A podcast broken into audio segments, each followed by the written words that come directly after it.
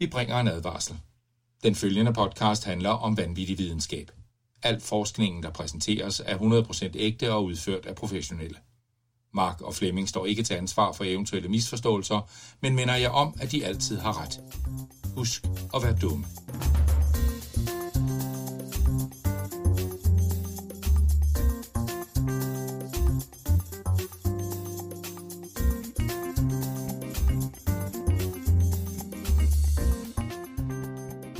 Hej alle sammen. Velkommen til podcasten Videnskabeligt Udfordret. En podcast om vanvittig videnskab. Jeg er Flemming, Og mit navn, det er Mark. og sammen er vi... Åh oh, nej, jeg skal være normal, undskyld. det er det første date. Vi catfisher jer. Det her, det er øh, jeres bro til vanvittig videnskab. Velkommen til start her afsnittet, hvor vi øh, vil prøve at forklare fem år med interne jokes, og hvem vi egentlig er. Yes. Er det, er det ikke 100%. planen? Det er lige præcis planen. Hvis du hører det her afsnit, så er du højst sandsynligt blevet anbefalet af en kammerat, eller en veninde, Eller din mor. eller din mor. De har kigget på dig, og så har de sagt, du er nødt til at høre, du skal totalt høre videnskabeligt udfordret. Det er, det er et par forskere, der snakker om forskning, men så handler det også bare om høns og limlæstelse. Ja. Ja, og så tænkte du nok, huh, nå ja, Ja, jeg, altså, nu er jeg jo færdig med Mørkeland, og jeg er færdig med vanvittig verdenshistorie, så kan jeg lige så godt lige give nogle høns noget forsøg. Og øh, det du så er kommet ind til, det er et bagkatalog med fire forskellige sæsoner og over 250 afsnit. Og jeg kan godt, hvis det var mig, så vil jeg også være en lille smule overvældet. At du overhovedet er kommet så langt som til at starte det her afsnit, det var en kæmpe fejltagelse fra din side af. Nu har vi dig, og vi kan ikke slippe igen. Du er fanget. Flemming, han har, øh, han har harpiks på hænderne, og han holder godt fast i dig. Velkommen til Hønseklubben. Ja, præcis. Okay, så det, det er selvfølgelig pjat. Det er pjat. Det er, Flemming har ret. Vi er en podcast, der øh, forsøger at formidle videnskab på en underholdende måde. Så øh, det her, det er vores forsøg på at give en lille introduktion til videnskabeligt udfordret og til os som værter. Så en hurtig disposition for dagens afsnit. Vi starter lige med at give alle nye lyttere et hurtigt overblik over, hvad I kan forvente, når I fortsætter med at lytte efter dagens afsnit eller hvis I skulle vælge at gå tilbage til vores, øh, i vores bagkatalog. Og så kommer der en lille smule baggrundsinformation i, hvad videnskab er, hvordan vi arbejder med videnskab, øh, og hvad en videnskabelig publikation er. Og også hvorfor vi synes, de er værd at videreformidle til verden. Og til sidst, så vil vi lige fortælle lidt om, hvem vi er, og hvor vi er i vores videnskabelig karriere. Og i den forbindelse også, hvorfor at vi er kvalificeret til at fortælle om videnskab. Og så vores rejse med den her podcast. Okay, let's go. Lad os hook jer. Videnskabeligt udfordret, det er en podcast om al form for videnskab. Naturvidenskab, socialvidenskab, humanistisk videnskab. Hvis nogen har publiceret en artikel til peer review, så er de fair game for os. Så tager vi dem op, og så læser vi dem, og så piller vi dem i stykker. Så det vi gør, det er, at vi tager videnskabelige publikationer, eller historiske øjeblikke i videnskaben, eller forskerbiografier, eller dybdegående gennemgange af emner, som vi selv er interesseret i. Tager dem op, researcher dem, og videreformidler dem på en underholdende måde. Det er som regel et eller andet vanvittigt. Det er som regel noget åndssvagt videnskab af en eller anden art. Det er Nobelprismodtagere, der er blevet gakket i låget, efter de har fået deres Nobelpris, eller det er helt almindelige forskere, der er blevet gakket i låget bare af at være forskere.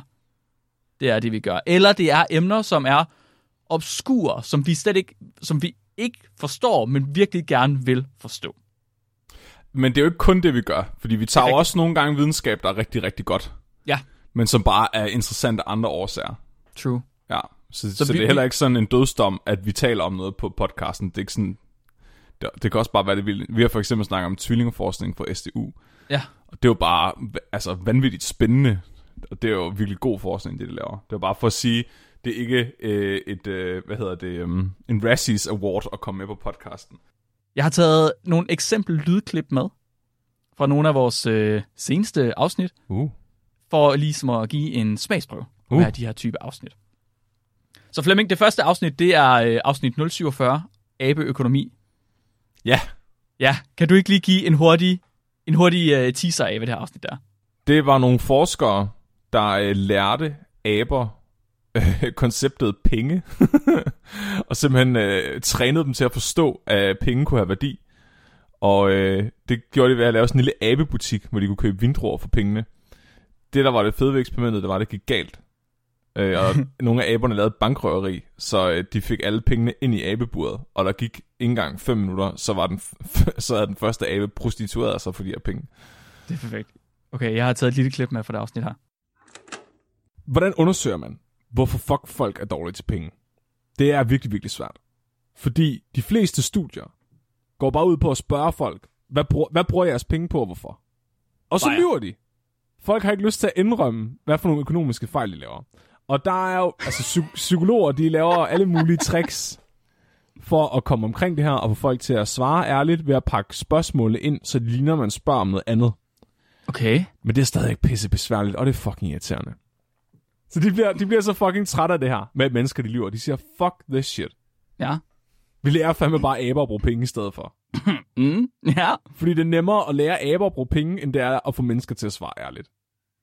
Og jeg, det elsker bare virkelig, det siger noget om, hvordan økonomer de ser os forbrugere. Altså, sådan, vi er bare aber.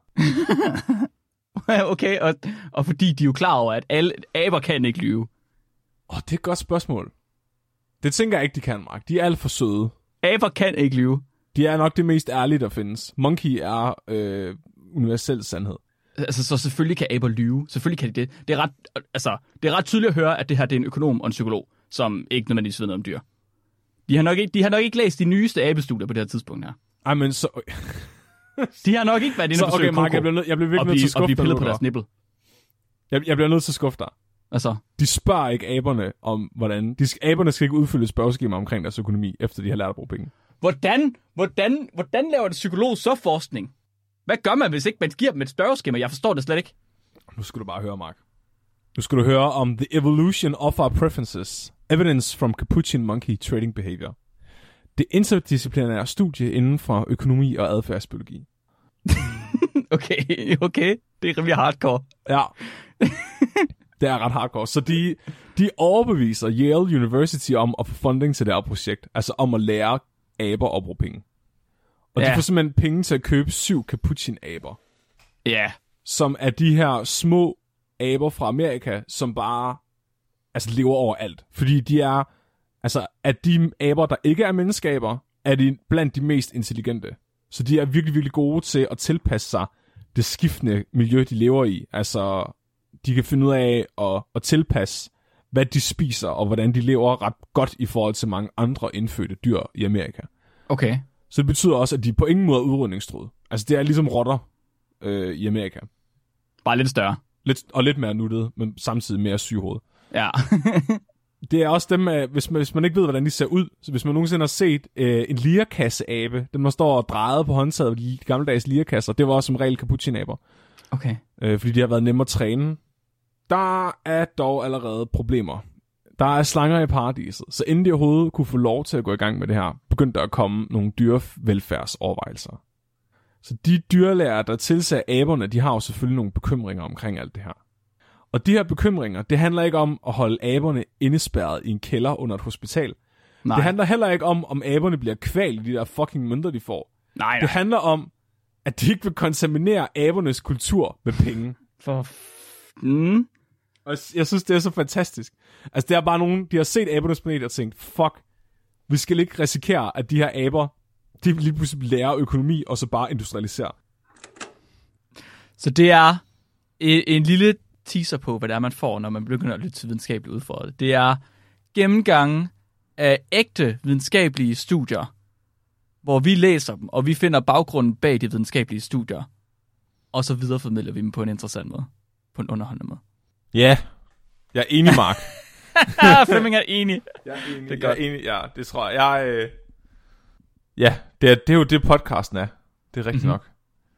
Så vi har forskellige typer af afsnit. Vi har afsnit som det her, hvor øh, det er et enkelt studie, vi finder, øh, og så som regel finder historien bagom. Øh, vi har også andre typer afsnit, hvor vi går mere ind i hele emner, og ligesom prøver at decifrere et helt emne. Øh, hvad er følelser? Har vi lige haft et afsnit om, for eksempel. Vi havde også et afsnit for, det er efterhånden ved at være et stykke tid siden, det var afsnit øh, 87, der handlede om kløe. Og øh, specifikt så, øh, han, jeg vil gerne lære, hvad klø var.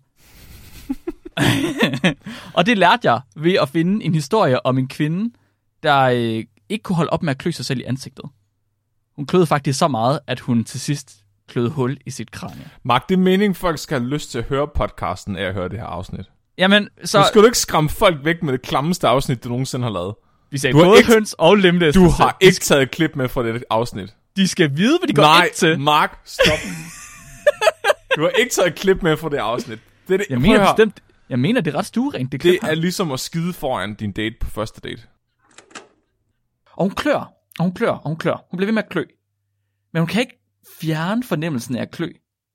Det bliver ved med at klø, selvom hun krasser. Åh oh, nej. Der er aldrig nogen, der er aldrig nogen du ved, tilfredsstillelse. Fantomkløe. Hun har det som om hele hendes indre, hun har det som om hendes hjerne, den klør. Don't do drugs, fuckings. Og det, altså, den her kløe her, den overtager hendes liv. Det bliver alt, alt, alt for meget. Så hun ser en uh, specialist i indre sygdom, en internalist. Den her internalist, han aner ikke, hvad der foregår. Han har ingen anelse om, hvad der er, der sker. Han, der er kløe, men uh, han kan ikke forstå, hvorfor hun bliver ved med at klø. Og kløe er, det er sådan overdrevet almindeligt som symptom. Det er sådan noget, man får af alting. Sådan stort set samtlige hudsygdomme, det giver kløe i en eller anden omfang. Så man, man, man, man forestiller sig, at hun har en eller anden almindelig hudsygdom, fordi at det giver kløe. Sæber, cremer, et eller andet, kan, alt muligt mærkeligt kan også give kløe, bare ved tilfældige reaktioner, som kroppen har på de her ting, du nogle gange smører på. Men man undersøger hende. Man undersøger hendes skalp, man undersøger hendes pande, og man kan ikke finde noget udslæt. Det ser helt almindeligt ud. Bortset fra, at der er krassemærker, efter hun har kløet dig. Så hun, hun, hun øh, får udskrevet en medicinsk creme. Noget, der skal hjælpe mod den her kløe her. Noget, der ligesom skal dulme det en lille smule. Men det hjælper selvfølgelig ikke overhovedet. Og hun bliver ved med at klø. Hun kan faktisk overhovedet ikke lade være. Hun klør ikke bare om dagen. Hvor hun, om dagen, der kunne hun trods alt ligesom afhjælpe. Altså fjerne sin opmærksomhed fra at klø ved at lave andre ting. Ikke fordi det så holder op med at klø, men så kunne hun ligesom, hun kunne se fjernsyn, eller snakke med en ven, eller et eller andet. Og så, du ved, kunne hun, kunne hun øh, når hun lavede noget andet, så er det som om hendes fokus lidt forsvandt fra at klø. Men hun klør ikke kun om dagen. Hun klør også om natten. Og det opdager hun ved, at hun vågner en morgen, og så er der blod på, på hendes hovedpude. Åh, oh, Man mener, at det her Mark, krasse respons, det er du kan ikke spille der her er for nye lyttere.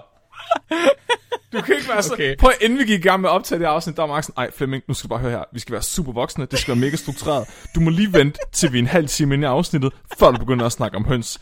Og så, du fuck, vi har fucking, vi har lavet den her podcast i fem år, Mark. Vi har lavet den i fem år. Vi har næsten 300 afsnit, du kan vælge klip fra. Og så vælger du det mest frastødende klip fra det værste afsnit overhovedet, for at repræsentere dig som podcastvært. Men du ved det er rigtigt. Du ved det er sandt.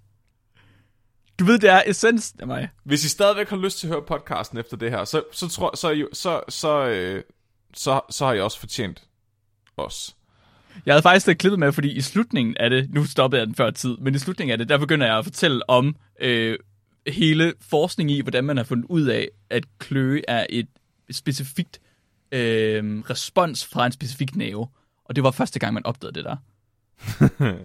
Men du er meget... Altså, vi, vi, nu har vi, vi har gjort det... Altså, det er ikke intentionelt, men sådan, vi, vi er begyndt at få vores egen præsentationsstil. Mm-hmm. Mhm. Altså, vi skiftes jo, så hvert andet afsnit er Mark, og hvert andet afsnit er mig.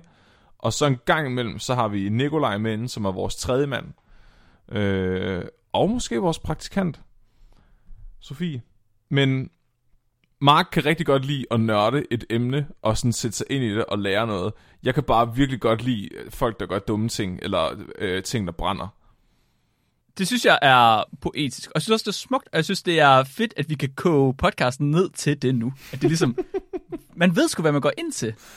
Hvis vi er blevet sådan en gammel ægtepar. Men er det ikke rart? Jo. Det synes jeg er rart.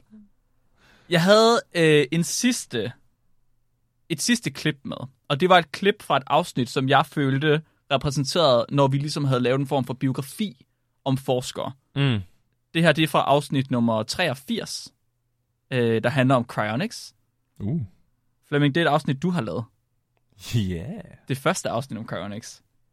Kan du ikke lige hurtigt fortælle, hvad det var, det handlede om? Jo, så cryonics, det er den her bevægelse i USA, der er med folk, der gerne vil være udødelige, men som dør alligevel. De fryser så deres lige ned i håb om at blive taget op i fremtiden og blive genoplevet med fremtidens lægevidenskab. Og det er en meget, meget sindssyg historie, som jeg formoder at tale om i to hele afsnit. Der er en mand, der stjæler øh, sin afdøde mors hoved og gemmer det for retten, og der er en dude, der har øh, sylter 13 øh, døde mennesker nede i sin kælder. og du synes, mit afsnit var slemt? Undskyld, fermenteret. okay, der kommer et klip her. Dagen efter, der melder han sig syg på arbejdet, og kører i timevis rundt til forskellige boghandlere i hele staten, fordi han gerne vil finde Robert Edingers bog. Så den her artikel i avisen nævner, at Robert Edinger har skrevet en bog året før, som netop handler om det her med at fryse mennesker ned. Og han er nødt til at have fat i den. Sådan nu.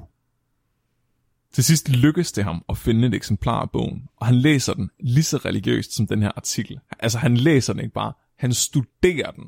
Han studerer den lige så hårdt, som folk de studerer Bibelen i dag. Altså det er, han, han taler om den her bog, som er det en hellig tekst. Hvis han bliver fortvivlet, så vender han tilbage til den her bog, og quoter dens ord til sig selv, for at finde mod til, altså, til at fortsætte.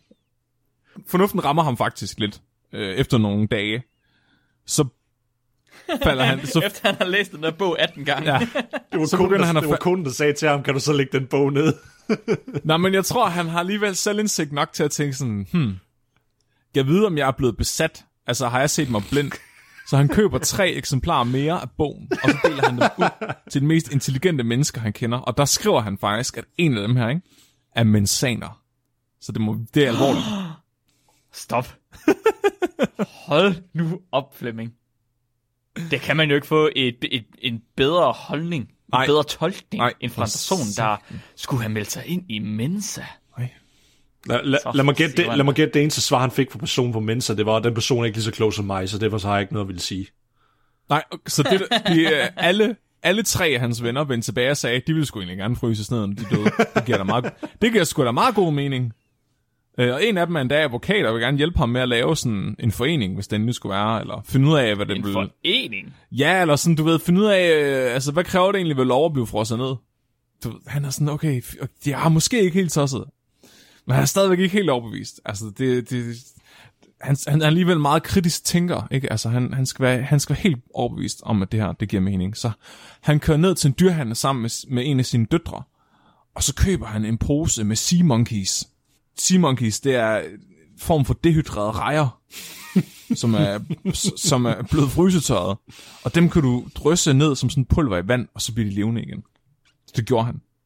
Og da han så de her sea monkeys blive levende sammen med sin datter, så vidste han, det her, det er for real. Undskyld, men han vidste jo godt, hvad det var, før han købte dem. Cryonics virker. Jeg synes virkelig, at, at den her historie her, det her klip her, det er Altså, det, det, for, det for, hvad hedder det?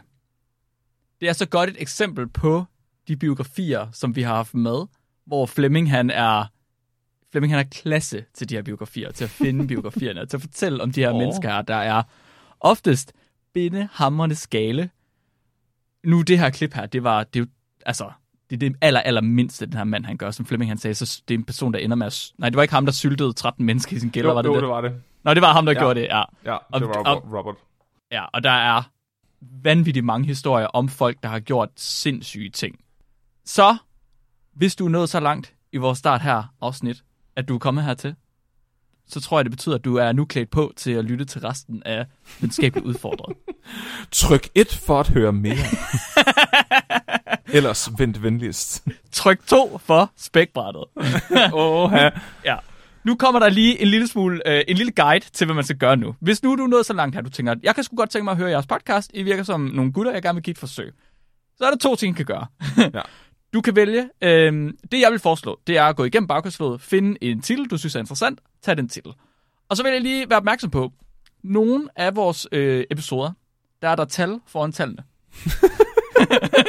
okay, må jeg forklare, må jeg forklare? Du må forklare. Så øh, mig og Mark, vi er, vi er et gammelt ægtepar.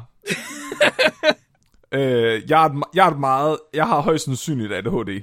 Øh, jeg er meget, meget kaotisk menneske. Jeg er, meget, jeg er rimelig produktiv, men jeg er det på en meget kaotisk måde. Mark, han er også rigtig produktiv. Han er bare sådan en, der planlægger utrolig meget. Mm-hmm. Og vi er stort set altid uenige. ja, ja, det er rigtigt. Og hver gang vi er uenige, så løser vi det ved at sørge for, at ingen af os får det, vi vil have. så jeg vil rigtig gerne have, at vi kørte sæsoner. Fordi så kunne vi ligesom forny os på en eller anden måde. Prøve nogle ting af. Marco mere sådan, nej, nej, nej, nej. Vi skal bare have et tal, der bliver højere og højere i uendeligheden. Ligesom Joe Rogan. Og så måden vi fikset det på, det var, at vi havde sæsoner, men så havde vi det ikke alligevel. Så nu har vi har ikke, sæson 3 var uendelig lang, øh, og nu har vi ikke sæsoner mere. Men mindre man ser det her som den uofficielle sæson 4 aspekt. Ja, ja, præcis. Så øh, det var også interessant, fordi hvis man, hvis man har hørt det tidligere start her afsnit, så vil man høre, at vi kalder os selv for spækbrættet. Og hvis mm. man starter med afsnit, der kommer lige efter det her, hvis man hører det her som afsnit 0, så vil man også høre det første afsnit af spækbrættet, som var det podcasten hed, da vi startede den i 2018.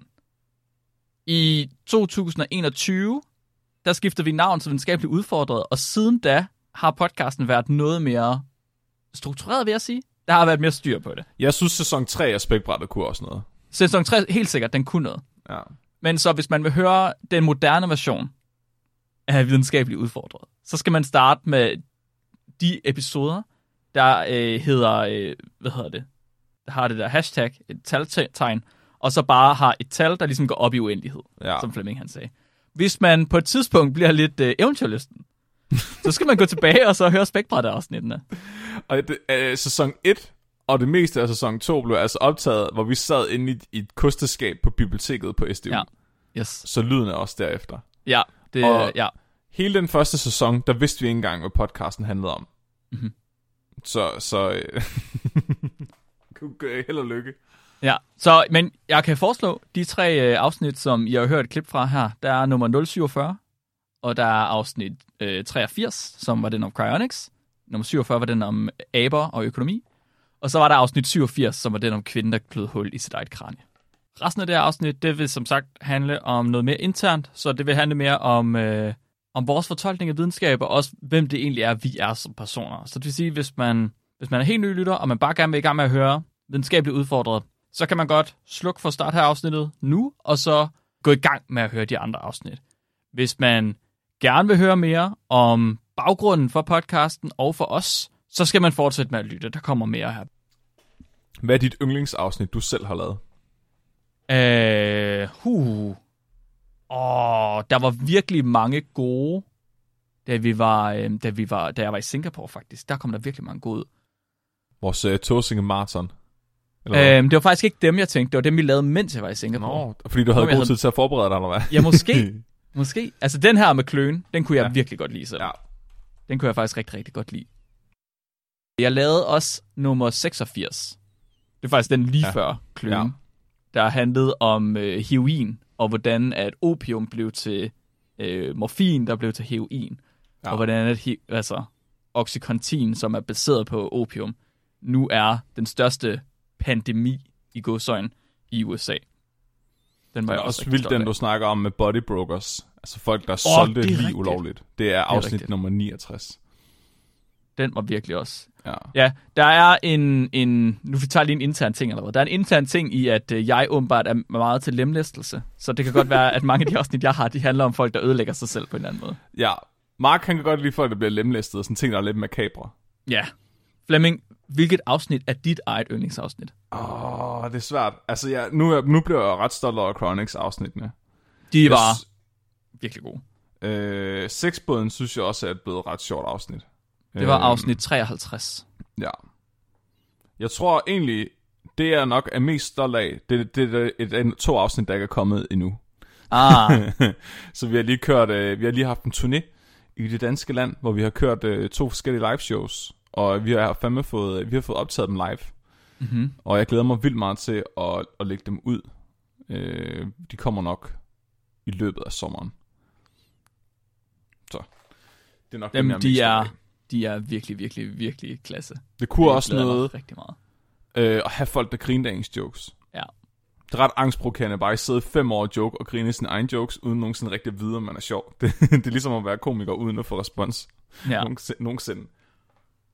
Vi har stadig lidt tilbage i det her afsnit her, og det har vi, fordi at øh, jeg tænkte, at vi kunne bruge resten af tiden på at prøve at forklare, hvad er det egentlig, vi mener med videnskab? Og hvad er det, vi prøver at formidle videre? Så i vores sidste start her afsnit, vi lavede et start her afsnit, det gjorde vi tilbage i 2019, tror jeg det var. Okay.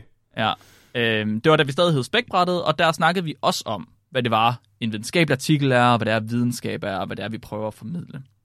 Så øhm, dengang, der tog vi ligesom og gennemgik en videnskabelig artikel, hvad er instruktionen og abstract og alle de her ting.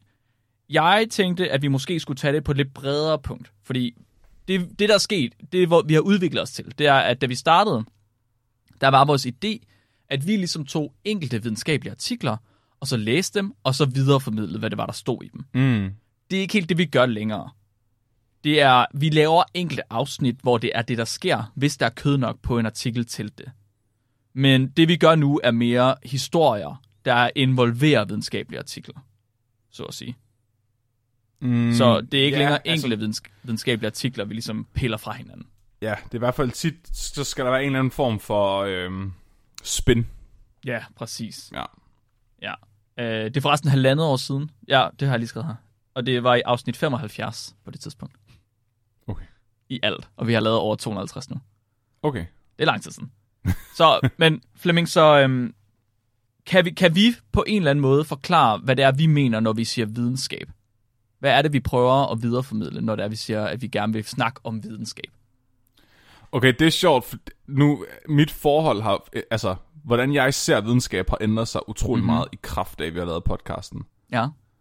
Øh, det er sjovt, fordi jeg, jeg, kan, jeg, jeg, har nogle gange hørt, jeg har nogle gange hørt nogle af de helt gamle afsnit, og jeg kan også mærke, hvordan jeg selv har ændret mig over de her fem år. Altså, hvor vi, altså fordi vi har vidderligt taget vores uddannelse, imens vi har lavet podcasten. Mm-hmm. Vi startede med at lave den her podcast, da jeg var i gang med min bachelor. Mm-hmm. så jeg har, ikke, jeg har både taget min videnskabelige uddannelse, imens vi lavede podcasten, men jeg har også lært rigtig meget af at lave podcasten. Og jeg tror, at dengang, der havde jeg en tendens til at, at tro mere på videnskaben, end jeg gør nu. Mm-hmm. Så hvis jeg hørt et eller andet mærkeligt evolutionspsykologi, der forklarede kønsforskelle eller sådan noget, så tænker jeg bare, at det lyder rigtigt. Nu, nu er det gået op for mig, bare fordi, at noget lyder videnskabeligt, og bare fordi noget er gået igennem peer review, og fordi det er blevet udgivet i videnskabeligt journal, betyder det ikke, at det er faktuelt, eller at der er noget rigtigt i det overhovedet. Jeg har faktisk virkelig meget lært af at lave den her podcast, at der er virkelig, virkelig meget bullshit, som egentlig er videnskab. Så det, det har faktisk godt indtryk på mig. Øh, Men det så, er i virkeligheden, det er den form for bullshit, som vi ofte formidler. Ja. Så jeg tror, for mig at se, så den, det vi formidler som videnskab, det er det, der ligesom mønter sig selv som videnskab på en eller anden måde. Ja. Der, der er en form for, øhm, hvad skal man kalde det? Jeg ved ikke, om man skal kalde det felt eller øh, karrierevej eller sådan noget, så man kan kalde videnskab. Ligesom at man kan være håndværker, så kan man være videnskabsperson. Men at du er en videnskabsperson, betyder ikke nødvendigvis, at du laver god videnskab eller ægte videnskab. Nej. Men det er vi lidt ligeglade med, fordi vi kan godt lide det, der ikke er god og ægte videnskab. Det synes vi er sjovt, og vi synes, det er interessant, og vi kan godt lide at tage det frem som eksempler på, det her er nok sådan, man ikke skal gøre. Det er jo mere, sådan, det er mere en form for, for paraply af alt det, der kan kastes ind under videnskab, god eller dårlig. Og så er det mere et spørgsmål om, hvad er det, som vi finder interessant? Hvad er det, lytterne finder interessant? Hvad er det, de foreslår, vi skal tale om? Er det en historie, eller er det en bestemt forsker, eller er det et eller andet bestemt emne, man gerne vil vide mere om? Men du spurgte, øh, du spurgte hvad, hvad, hvad jeg synes videnskab var. Ja. Eller hvad mit forhold var til videnskab. Ja. Jeg ser videnskab som om, at du, øh, du måler, du, du, du, antager, du laver en antagelse, eller har en idé. Og så gør du alt, hvad du kan for at modbevise den idé. Og så skriver du ned, hvad du gør for at modbevise den. Og så viser du det til verden. det er sjovt, du sagde faktisk noget lignende i vores øh, første start her afsnit. Ja, der forklarede Nå, du om øh, Karl Poppers øh, falsificering, og du forklarede om at prøve at skyde huller i en øh, teori og, og med hypoteser. Ja. Sådan, jeg tror specifikt, så snakkede vi om, øh, vi snakkede om gravitationsteorien på det tidspunkt, altså tyngdeloven. At først var tyngdeloven ligesom blevet stillet op af Newton, og Newton kunne godt forklare tyngdeloven til en vis grad, så begyndte man at pille, skyde flere og flere huller i Newtons øh, teori om tyngdekraften. Og så begyndte alle at svæve. Så begyndte alle at svæve. Og så fandt man ud af, men det var ikke fordi, den var forkert. Det er bare fordi, den aldrig nogensinde har været helt rigtig. Fordi teorier er ikke helt rigtige. Mm. Så det, der ligesom skete, det var, at der kom en ny spiller på banen på et tidspunkt. Einstein. Og fandt på en ny teori. Teorien om relativitet. Som også kunne forklare tyngdekraft. Og den er man så begyndt at skyde huller i, i stedet for indtil der kommer en ny person med en ny teori. Som man kan skyde huller i. Lige præcis. Så det er videnskab for dig. Det er at prøve at forklare verden, forklare naturfænomener, ved at prøve at falsificere sin egen antagelse om verden. Strukturerede observationer. Ja. så det vi rigtig meget et beskæftiger os med. Mark? Var det et trickspørgsmål. Hvad er det Det er rigtige rigtigt. svar? Nej, men der er ikke noget rigtigt svar. Det er... Hvad er øh, det? vi... Jo, det er, det er videnskab. Selvfølgelig er der et rigtigt svar, Mark. Jamen, det er jeg ked af at sige, for det er der ikke. Det er der ikke. Nå. Videnskab for os er det, som vi tænker, videnskab er. Og det er det, vi snakker om. Ej, Okay. Jeg vil sige, videnskab for os er oftest det, som de fleste mennesker forbinder med videnskab. Siger jeg, hvor jeg generaliserer hele verdens befolkning over en kamp. Det er jeg rigtig god til. Det er meget videnskabeligt. Ja, du ved, hvis du ser sådan noget som... som hvis du har sådan nogle insta- videnskabsting på Instagram, der slår ting op, der handler om videnskab, så er det også det, vi tænker, der er videnskab. I virkeligheden så er videnskab jo alt. Så snart du begynder at skrive ting ned, så begynder det også at blive til en videnskab. Men så det, som vi oftest gør, det som vi baserer vores historie på, det er i 95% af tiden øh, videnskabelige publikationer, som er en af de ting, som vi er blevet trænet hårdt i at læse. Og vores, da vi startede med at lave podcasten, der, var vores, der havde vi en form for anke med de her artikler her, fordi øh, vi var ligesom blevet trænet i at læse dem. Men det er bare vildt, at man er nødt til at skal have træning i at læse dem. Man skal ikke nødvendigvis have træning i at læse dem, fordi at det er øh, så hardcore et felt, du er i, at du er nødt til at kende til det felt 100%. Det kan også bare være fordi, at de bliver skrevet så nørklet, eller så kondenseret, at du er nødt til at forstå den kondenserede måde at skrive på, før det er, at du kan læse dem i virkeligheden. Dermed ikke sagt, at man ikke kan læse en videnskabelig artikel, uanset hvem du er. Det kan du. Det kommer an på, hvor godt de er skrevet. Men det er langt fra dem alle sammen, der er særlig godt skrevet. Så det vi ligesom gjorde til at starte med, det vi tænkte, vi kunne gøre til at starte med, var, at vi kunne læse videnskabelige artikler, som vi synes var skrevet meget snørklet. Og så ved vi, at der ligesom er nogle interessante ting, man kan pille ud af de artikler her. Som regel så er det, at de forskere, der har publiceret artiklen, de har lavet en eller anden, de har brugt en eller anden sindssyg metode. For eksempel så har de skræmt randstyr ved at klæde sig, øh, klæde sig i toiletpapir, fordi så lignede de isbjørn. Og det har de så bare skrevet i deres materialer og metoder, hvor det bliver gemt et eller andet sted. Og det er så det, vi har prøvet at pille ud for så at vise verden, at det er også det, forskere de laver. Så det gjorde vi rigtig meget til at starte med, og vi læner os stadig rigtig meget op af videnskabelige artikler, fordi det er ligesom, for os er det øh, primær litteratur, primær kilder, og for de fleste videnskabsfolk, så er det det, man bruger til at læne sig op af, når man skal referere til noget, når man skal sige, verden fungerer på den her måde, det har vi set tidligere her og her og her. Ja, hvis man, hvis man kommer med en påstand. Ja, lige præcis. Men det er ikke det eneste, vi gør længere, vil jeg våge at påstå. Så jeg vil mene, at vi mere og mere er begyndt også at finde historierne bag artiklerne. Så du, du for eksempel, du er begyndt at læse mange biografier om de forskere, der har lavet de forskellige studier. Ja. Som regel så kan man i de biografier finde information om artiklerne. Men det er ikke nødvendigvis artiklerne selv, der er de interessante. Det er sjovt, fordi når, hvis det er noget virkelig sindssyg videnskab, der er blevet Mhm. mm-hmm. lavet, så, det, så er man lidt nogle gange nødt til at forstå, hvem der har lavet videnskaben, for at forstå, hvad det var, de prøvede. Mhm. det er ligesom uh, Christian. okay. Du kan ikke læse Sunny Chew comicsene, uden at have kendskab til Christians privatliv. Så giver de bare ikke mening.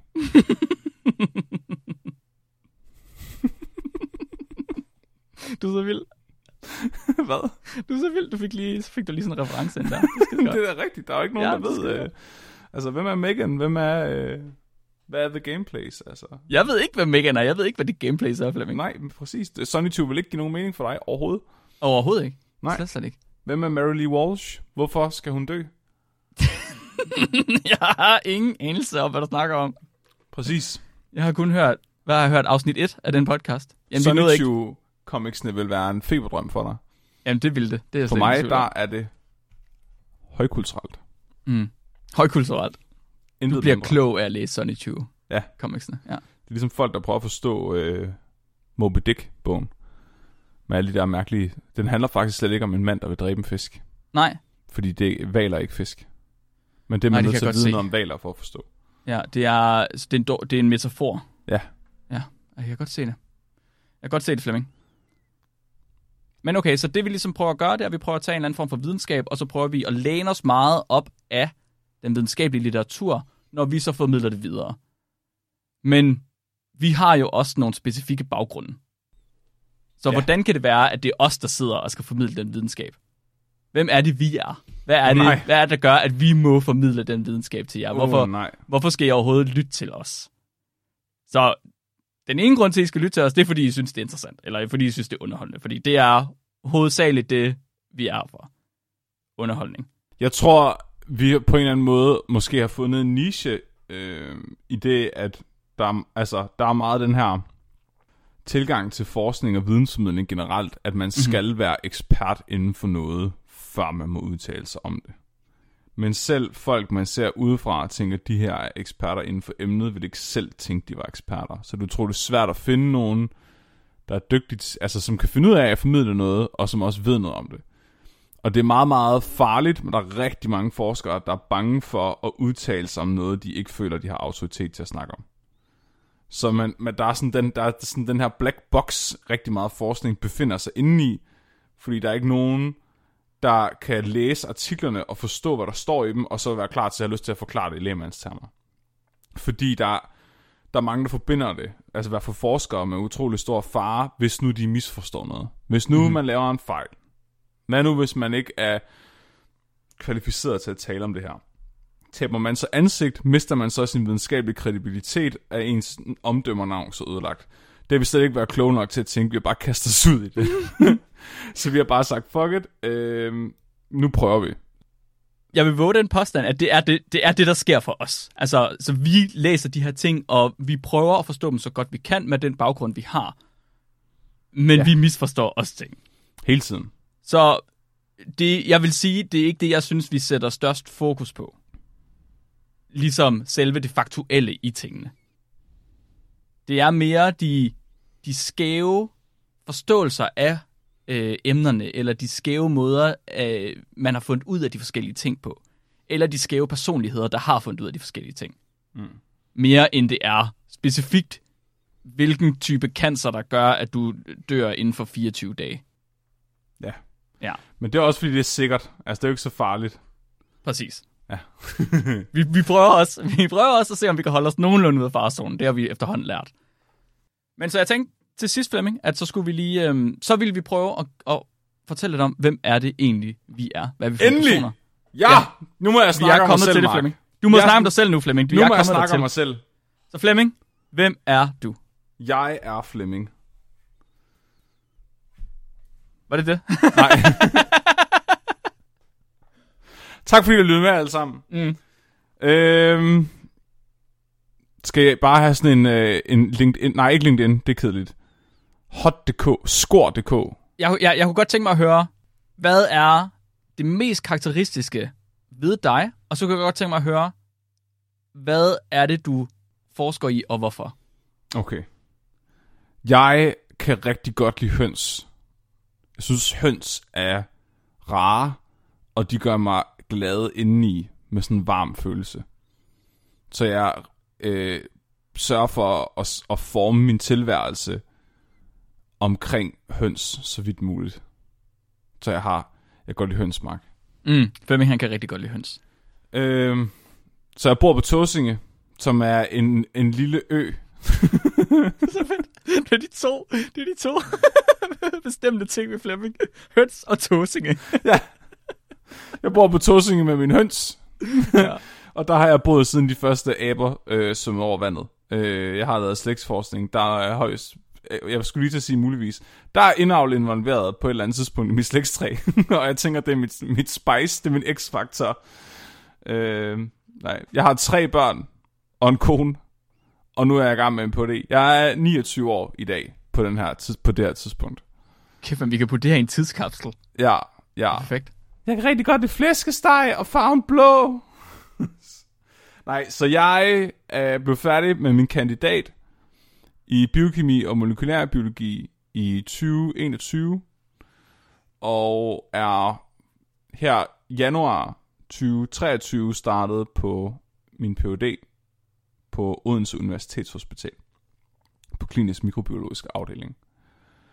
Og mig og Mark har læst sammen på biokemi og molekylærbiologi, og også Nikolaj, vores tredje mand, vi har læst alle sammen sammen, faktisk på den samme forskningsgruppe, øh, som er mikrobiologi på SDU. Og det er faktisk der, vi har mødt hinanden og startet podcasten. Så det er sådan lidt indavl. Så jeg startede med... Må jeg, må jeg snakke om min forskning, Mark? Gå til den. Hvor lang tid har jeg? altså, et, hvis afsnittet bliver længere end en halvanden time, så... Sæt en alarm. Nu går vi i gang. Mig og Mark, vi startede med på bacheloren, og du var også op på kandidaten øh, i Jakob Møller Jensens forskningsgruppe, hvor vi kiggede på øh, urinvejsinfektioner og øh, de E. coli-bakterier, der lader til, at folk har kroniske urinvejsinfektioner. Jeg kiggede på at, øh, at basically lave lortebakterier selvlysende, når man tisser på dem. Det var rigtig sjovt. Så kom jeg på kandidaten over til Mikkel Kirke at forske Streptococcus pneumonia. Og det har jeg faktisk fået nogle publikationer ud af, som man kan læse. De er open access, så hvis man gerne vil læse noget af min forskning, så kan jeg, så kan jeg lægge links til dem øh, i øh, episodebeskrivelsen. Så Streptococcus pneumonia er den her øh, bakterie, der kan give blandt andet lungebetændelse, men kan også give meningitis og alle mulige andre nederen sygdomme, og det er den infektionssygdom, der dræber flest børn i hele verden. Øh, virkelig, virkelig, virkelig mange børn dør på grund af Streptococcus pneumonia. Så den forskning, jeg har været med til at lave, har handlet meget om at prøve at forstå, hvordan den øh, sensor at være inde i vores krop og øh, omstiller sig til at være inde i vores krop, ligesom med henblik på at forstå, hvad er det egentlig, den laver, når den dræber de her små børn? Sådan så, hvis man, hvis man gerne vil udvikle en vaccine, så er det rigtig vigtigt at vide, hvordan den gør det. Og i den forskning kunne man så håbe på at finde nogle øh, targets, som en vaccine kunne angribe. Så ligesom øh, coronavaccinen angriber øh, faktisk coronaen på coronavirusen, de her små øh, pigge, der stikker ud af den, så er bakterier de er meget større og mere avancerede end virus. De har alle mulige proteiner, der stikker ud på overfladen, som gør, at de kan spise ting og hænge fast i ting og bolle med ting og alt muligt spændende. Hvis man kan forstå det, så kunne man måske lave nogle effektive vacciner imod de her sygdomme. Så så mange børn ikke behøver at dø alligevel. Så det, er, det er jeg meget stolt af egentlig, at det, det har jeg været med til. Og nu kigger jeg faktisk på øh, cancer. Så øh, jeg, nu, på nuværende, nu er jeg hos øh, Ulrik Stens Justesen på øh, Klinisk Institut på OH, hvor jeg kigger på øh, tarmkræft. Så med rigtig mange krafttyper, der kan man se, der er sådan en stærk aflighed. Altså man kan se, at det ligesom hænger sammen, at du ligesom er disponeret for at få den her type kraft, og det er højst sandsynligt dine gener, der gør det. Tarmkræft er bare undtagelsen. Altså det kan man sige, lungekræft, der kan man se det rygning. Mange andre kræft, sådan noget, kræft i andre og sådan noget, det er meget, meget afligt i stedet for. Men tarmkræft, det er lidt ligesom lungekræft, så kan man se, måske 80% af øh, chancen for, at man får tarmkræft, den er faktisk ikke bestemt af vores gener. Den er bestemt af, af vores, man kan man sige, livsstil. Ligesom lungekræft. Men vi er ikke sikre på, hvad det er, eller hvorfor. Man kan se for eksempel, at der er en sammenhæng mellem folk, der spiser rødt kød, for oftere tarmkræft og sådan noget. Men der er ikke nogen, der forstår det. Det man dog kan se, det er, at, det, at folk med tarmkræft, de har nogle bestemte tarmbakterier, som folk uden tarmkræft ikke har. Så hvis du tager og identificerer, hvad der er for nogle bakterier i tarmen på en person, så kan du putte det ind i en computer, og så kan computeren faktisk fortælle dig, at det her er en person med tarmkræft, eller det er en person uden tarmkræft, med meget, meget stor nøjagtighed. Det underlige er bare, at det, sammensætningen af de her bakterier, det, det er, så, så, så det, det sammensætning af bakterierne er egentlig øh, det, der afgør det. Så det, det er faktisk de samme bakterier. Så, så det vil sige, at vi kigger for eksempel på en af de mest almindelige tarmbakterier, som er Bacteroides. Og, øh, og de er i raske mennesker. De er øh, i børn. De er i os alle sammen. Men i kraftpatienter, der er de bare i en anden sammensætning. Der er flere af nogle bestemte arter, der forekommer osv. Og man finder dem rigtig tit i og omkring kraftved.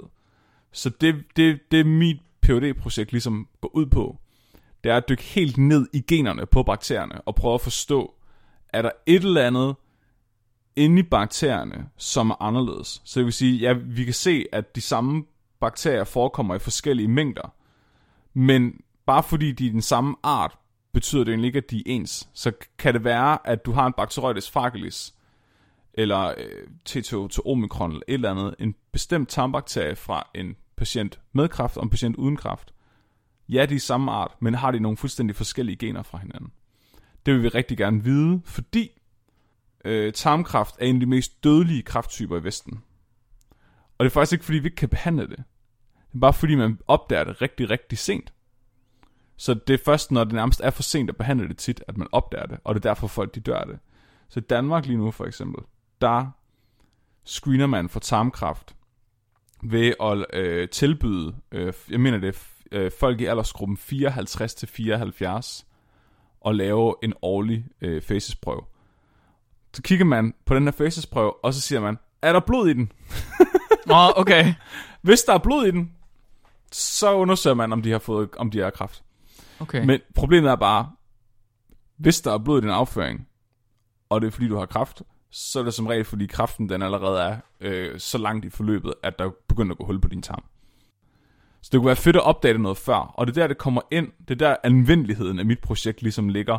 Hvis vi kan finde nogle bestemte gener, eller genvariationer i tarmbakterierne, så vil vi kunne gå ind potentielt før personen overhovedet har kræften, og lave sådan en PCR-test, for at vide, om folk er i risikogruppen. Vi siger ikke, at de her bakterier giver os kræften.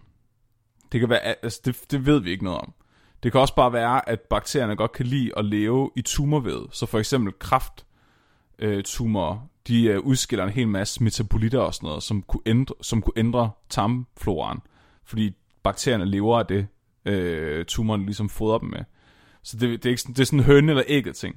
Så bakterierne det, fungerer i virkeligheden som biomarkører for kræften? Ja, præcis. Øh, så, så, men der er også nogle teorier, der går meget ud på, at bakterierne måske, at det er sådan et, et, et, uh, toksisk uh, parforhold, at bakterierne faktisk har en metabolisme, der udskiller en hel masse uh, kraftfremkaldende stoffer. Så det er sådan okay. lidt uh, spændende uh, sammensætning. Så det sidder jeg med lige nu, og jeg har faktisk allerede nogle uh, ret spændende uh, præliminære resultater, som vi er i gang med at kigge på. Og så har jeg også lavet øh, sådan et overvågningssystem, sådan en MLST-scheme til, øh, til den her bakterie, som ligesom går ud på at overvåge den på global plan, fordi den udvikler rigtig meget antibiotikaresistens. Så vi vil godt ligesom kunne overvåge, hvordan den her antibiotikaresistens den udvikler sig globalt. Så der, øh, der har også lavet, lavet sådan en, en database, og det er meget, meget spændende. det, er meget, det er meget kontrastfyldt til, da vi øh, lavede det første af de her afsnit her. Fordi der var du, du ved, lige ved færdig med kandidaten, og var ja. sådan, åh, jeg kunne godt tænke mig en Ph.D., og jeg kunne godt tænke mig at forske. Men du var, ja. du var, du var sådan, forskning var alligevel så meget nyt for dig stadig, og nu er du bare hardcore inde i det, og bare udgivet artikler, og er med til at øh, forudsige tarmkraft baseret på bakterier det er altså, jeg har en fest. Jeg, jeg, der er rigtig mange, der synes, det er mega nederen at lave, ikke med nederen. Der er mange, der synes, det er meget, meget, og det lyder forkert. Der er mange, der synes, det er rigtig øh, træls at lave en PhD. Jeg synes, det er det fedeste nogensinde. Jeg er så også kun et halvt år inde, men jeg, jeg har bare en fest. Jeg synes, men det er også fordi, jeg synes, forskning det er bare det fedeste. Du skal, du skal nok nå at føle øh, presset på et tidspunkt. Ja, Mark, du er lidt på den anden side. Jeg kan sige, jeg har 1, 2, 3. Jeg har min femte artikel i peer review lige nu. Det er, øh, det vil jeg lige, hvis for dem, der ikke ved det, så er det øh, ret privilegeret, øh, eller ret, ret avanceret for en øh, phd student der er inde i sit første halvår inden, at have femte artikel i peer review. Og jeg er første forfatter på tre af dem. Ja, det er imponerende. Det er meget imponerende. Jeg har også arbejdet rigtig meget i min fritid. Interessetimer. Interessetimer, ja, lige præcis. Ja. Mark, du er jo lidt andet sted. Så Mark, for det første, så skal vi lige have på det rene. Mark, er et år yngre end mig, men Mark mm. var et år foran mig på studiet. Ja. Fordi Mark, han er øh, en robot for fremtiden, tror jeg. Jamen, det, det siger måske meget, øh, meget om min personlighed. Så meget... nu bliver der lige sagt i chatten, at Thijs en IQ højere. Kan du lige forklare rigtigt. den interne joke? Jo, så, så øh, Fleming, han øh, fortalte mig, hvornår var det, i 2019 eller sådan noget, at han på et tidspunkt havde taget en Mensa-test. En Mensa-IQ-test. Og så mente han bestemt, at jeg også skulle tage den. Og jeg gad faktisk ikke rigtig til at starte med. Men så på et tidspunkt fik man, han mig overtalt alligevel. Så tog jeg ind, og de, havde en, de har en klub inde i Odense. hvor jeg så skulle møde op i den her klub her, sammen med nogle andre mennesker. Og så satte jeg mig ind, og så fik man den her øh, IQ-test udleveret på papir. Det var rigtig fint. Jeg udfyldte IQ-testen, og øh, så tog jeg hjem, og jeg tænkte egentlig ikke rigtig meget over det. Så kom den tilbage. Og så øh, sammenlignede vi point, da den så kom tilbage. Og jeg havde et IQ-point højere end Flemming. Det var okay. meget, meget vigtigt. Det, ja, det er virkelig irriterende. Så jeg tog, jeg tog, åh, det er fandme mange år siden, jeg tog den test. Ja, det var fordi, vi havde en fysiklærer på VUC, som havde Mensa accessories overalt, og alle havde bare sådan ærefrygt over, at han var med i Mensa. Og de synes, jeg var en kæmpe klovn. Og så opdagede jeg ved et uheld, at jeg scorede vildt højt på en IQ-test. og så tog jeg til, øh, til øh, optagelsesprøve i Mensa, og kom fandme ind.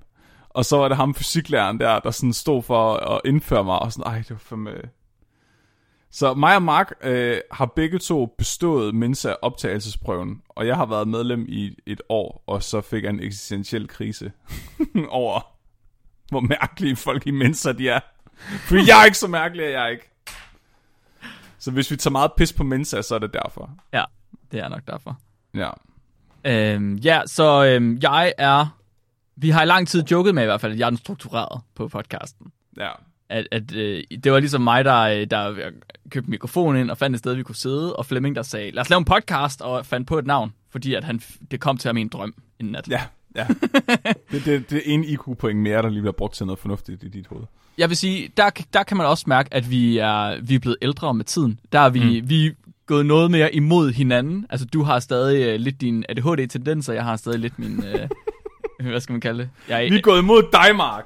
Er vi gået imod mig? Okay, ja. fair nok. Om det, nej, jeg vil også sige, at jeg skulle komme lidt den anden vej, Flemming. Okay, ja, ja. Det, er du, det er du måske også. Ja.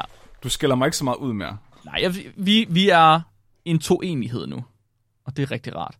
Så øhm, Jamen, jeg er, øh, jeg er født og opvokset i... i jeg, er ikke, jeg er ikke opvokset. Jeg, jeg kommer fra, fra Herning, området. Har i lang tid sagt det i Vestjylland, at får skal ud hver gang jeg siger det. Det er altså det, vi siger, hvad os der kommer. Det, det er virkelig en Vildbjerg, og når vi kommer fra Vildbjerg, så må vi åbenbart godt. Det vigtigste er at vide, at du er vestjyde. Ja. Uanset om Herning er Vestjylland eller ej, så er du vestjyde. Du er det mest vestjyske menneske nogensinde. Det er måske rigtigt nok, ja. Det er måske rigtigt nok. Øh, så vi er alle sammen bunderøve, både mig og Flemming, også vores tredje mand Nikolaj. Og øh, det har vi ligesom taget med os hele vejen op til vores studier også. Så vi har været bunderøve, både da vi var unge, og da vi kørte knallert som 13-årige, og har meget bajer på de her knallerter. Men også øh, da vi ligesom gik på universitetet og øh, forsøgte at lave avanceret molekylærbiologi, og ikke forstod alle de der termer, som alle de andre de brugte. Og i stedet for at bare vil sige, så man bare øh, smid det her sammen og klasse det her sammen og putte den ind i den her ovn her. Åh, oh, det er rigtigt. Jeg, blev, jeg var forældreløs i laboratoriet. Jeg skulle lære mig selv op. Så jeg var sådan, jeg gik rundt og spurgte alle om hjælp. Og alle kom med sådan nogle fucking akademiske svar. Indtil jeg spurgte Mark, så Mark bare sådan, du skal tage den der høvert, og så skal du bare dutte på den, indtil den siger flop. Og så ja, ja, ja, det skal jeg da. Jeg skal tage høverden. så når Mark han endte med at lære mig op i laboratoriet, fordi han bare han talte om, om det, som om det var sådan en håndværk, og det var virkelig bare fedt. Så, øhm, det er et, så jeg blev sindssygt interesseret i molekylærbiologi, fordi at jeg fandt ud af, at man kunne kombinere kemi og biologi, og så fik man ligesom biokemi. Og det troede jeg var noget andet, end det egentlig var. Jeg troede, at biokemi, det var øh, DNA. Det er det ikke fandt jeg ud af. Biokemi er proteiner, enzymer, i virkeligheden det Novozymes laver, og det som Novo Nordisk laver. Det var ikke det, som jeg var interesseret i, fandt jeg ud af. Jeg var interesseret i DNA, fordi det er DNA, der er rigtig sjovt. Når man ændrer DNA, så kan man nemlig ændre på organismer.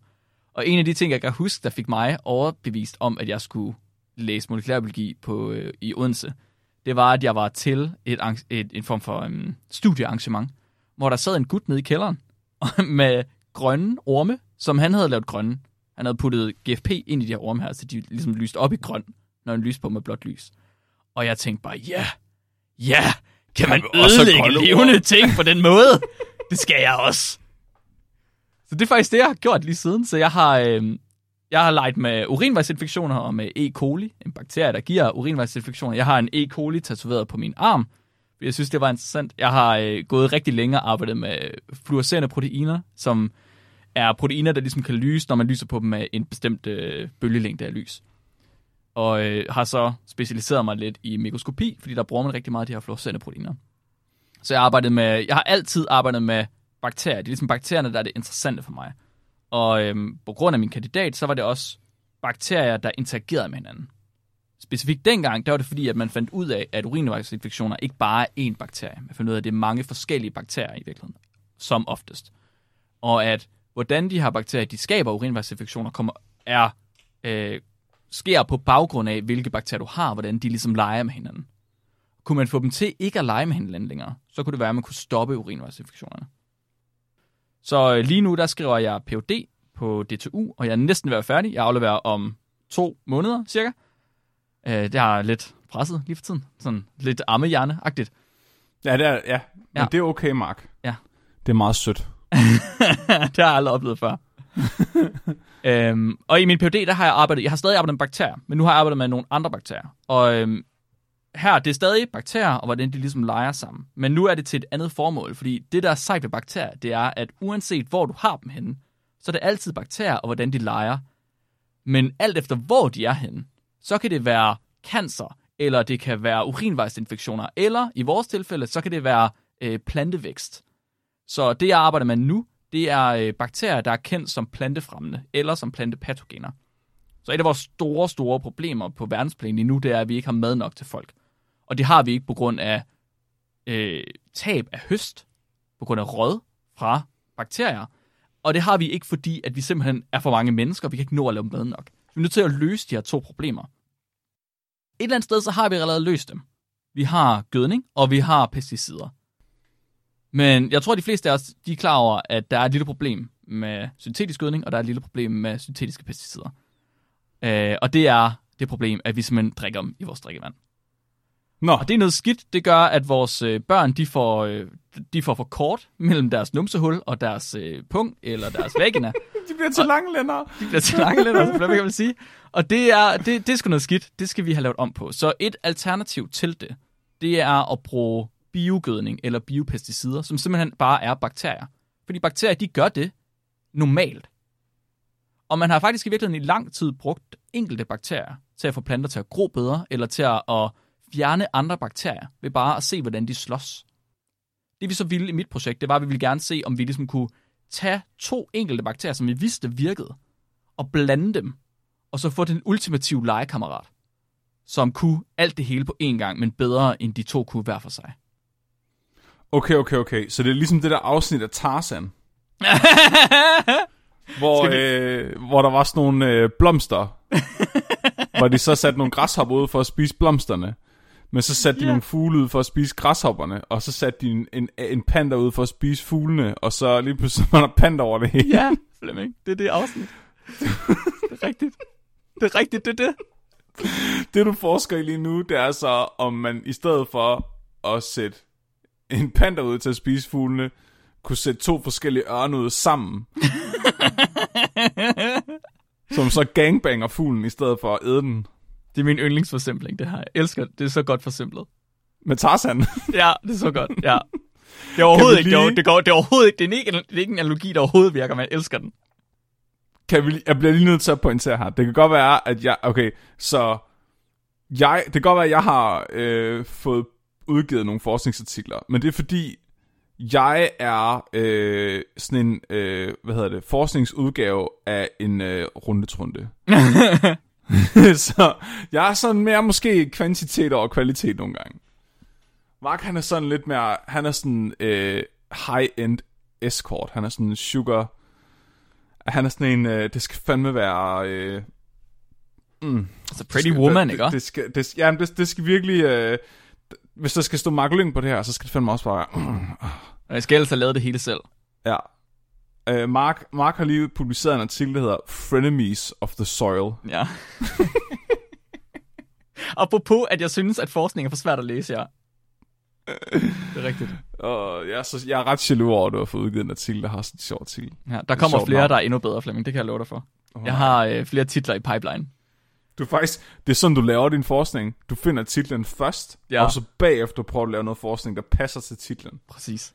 Ja, det er ligesom, man, det var sådan, man lavede B-film i 70'erne. det er det, jeg laver... Cannibal Holocaust Massacre. Nå, hvad skal den film handle om? ja, det er videnskabens B-film. Ja. Så øh, jeg er som sagt ved at være færdig med PhD, og det betyder, at man skal noget bagefter. Og jeg er så heldig, at jeg har fundet et job ved en virksomhed, der faktisk arbejder med det samme. Så et af mine, en af mine anker ved øh, videnskab i universitetet, det er, at det er det, jeg har lavet, er grundforskning på meget, meget grundniveau. Det vil sige, jeg har ikke reddet verden. Jeg har ikke engang været tæt på.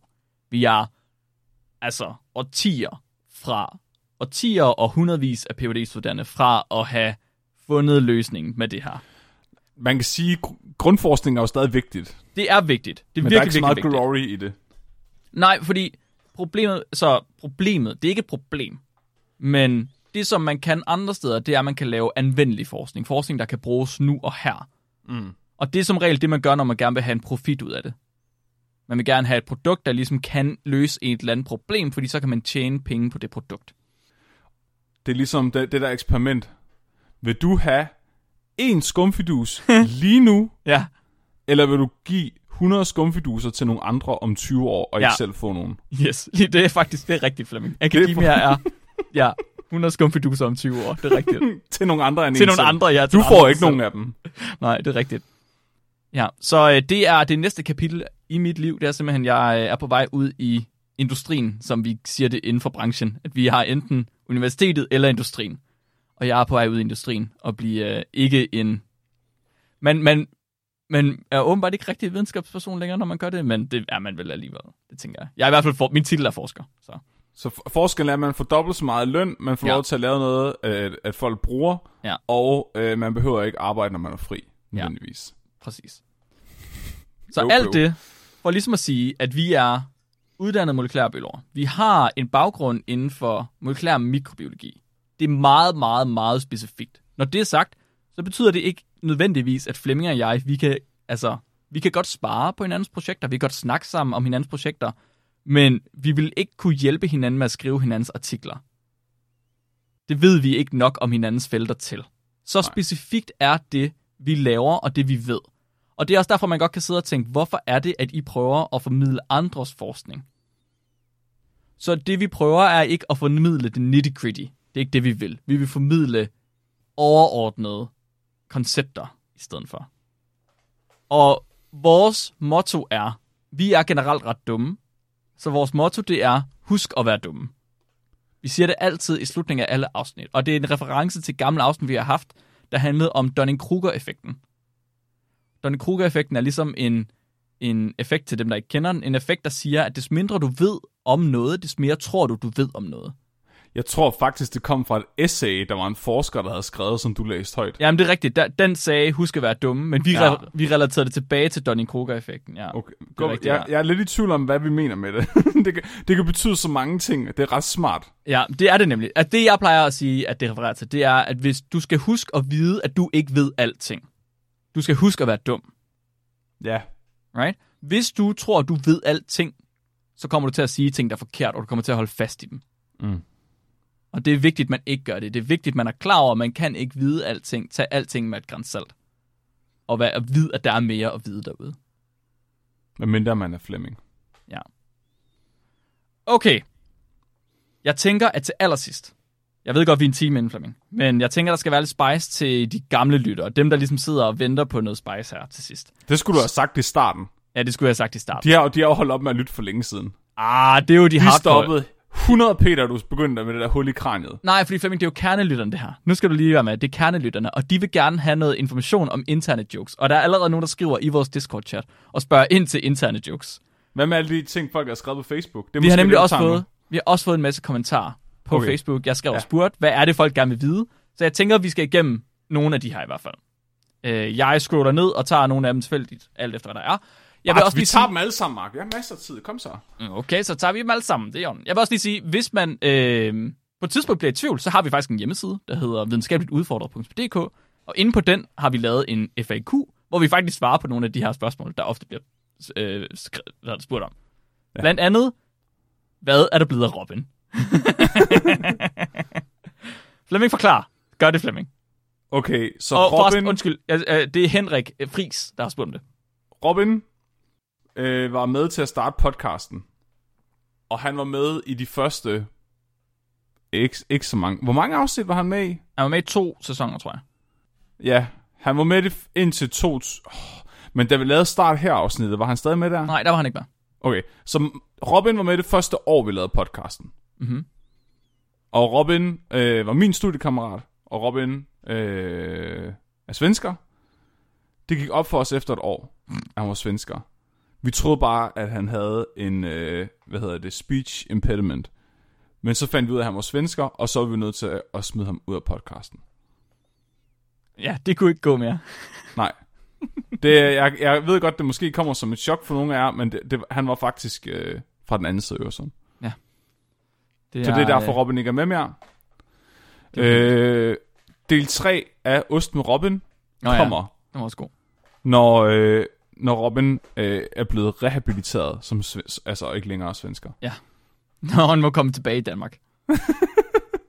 øh, så kan vi lige tage den næste i samme omfatning. Og der er mange, der har spurgt om det her. Der er faktisk også mange, der har spurgt ind til Robin. Men nu er det bare lige Rasmus Laversen, jeg finder frem her. Han har skrevet og spurgt, hvad der er blevet af Nikolaj. Nikolaj er ikke svensker. Nej, rigtigt. Nikolaj var... Hvor, øh, så, det første, så, så det første år, vi lavede podcasten, der var lige præcis tre mennesker, der hørte podcasten. Der var, øh, der var øh, Marks mor, så var der Nikolaj, og så var der Marks mor. Nej, Max far. Nå ja. Og øh, Nikolaj, Nikolaj er, vores, er vores rigtig gode ven og studiekammerat, og øh, han øh, er bare mega god til at fortælle. Han har en virkelig sprød stemme, og øh, han kom med som, da han blev færdig på sin uddannelse, så kom han ind til os som praktikant. Og så er han ligesom blevet det tredje medlem af den dynamiske duo efter det, og det har han jo sådan set været i størstedelen af den tid, vi har eksisteret. Mm-hmm. Men Nikolaj er ikke med øh, som sådan en øh, medvært. Nikolaj han redigerer podcasten, og så øh, researcher han, og så en gang imellem, når han føler for det, så er han med i, i et afsnit. Mm-hmm. Og det er sådan, det er sådan on, meget on-off i perioder, øh, hvor meget han er med. Det kommer an på livet. Han er, han er back-end. Ja. Han er den, der får det til at køre behind the scenes. Ja. Yes. Good. Den her, den er, den er interessant. Det er Mikkel øh, Gunløksson, der skriver og spørger, kan I ikke bruge to minutter på at uddybe, hvad der sker, når, skorstræk hvis, I skal drøfte placering og funktion af klepotis? Jeg tror, det rigtige spørgsmål her, det er, hvorfor er der nogen, der skriver ind og kalder det for klepotis? Det okay. Så Mark kan rigtig godt lide at tale om sex på sådan en ulækker måde. Nej, hold kæft, det er da ikke ulækkert. Sådan, øh, du ved, øh, seksuel... Skabligt og objektivt. Nej, det, ja, det bliver sådan noget klamt øh, seksualundervisning i 6. klasse. og det kan jeg bare slet ikke være i. Jeg kan godt snakke om sex, hvis det er sådan uh, med dyr, eller et eller andet grotesk, hvor folk de er døde af det, eller øh, hvis det er sjovt.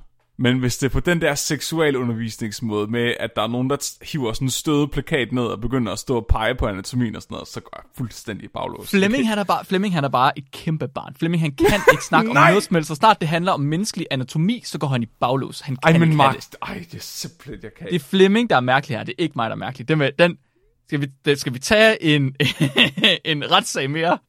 Nej, okay, nu kommer der en til intern joke der. Ja, fordi det næste spørgsmål, det er Alexander Valo, der har spurgt, forklaring på Flemmings kærlighed for tomatsuppe. Det er mig og Mark, der har haft øh, et skænderi omkring, hvorvidt tomatsuppe er mad. Jeg argumenterer for, at per, altså den videnskabelige definition af vand er tomatsuppe. Og det, øh, det var et beef, vi havde kørende så længe, at vores øh, lyttere også var meget aktivt involveret i det, og det endte med, at vi, at vi havde en retssag, som simpelthen blev et afsnit af podcasten.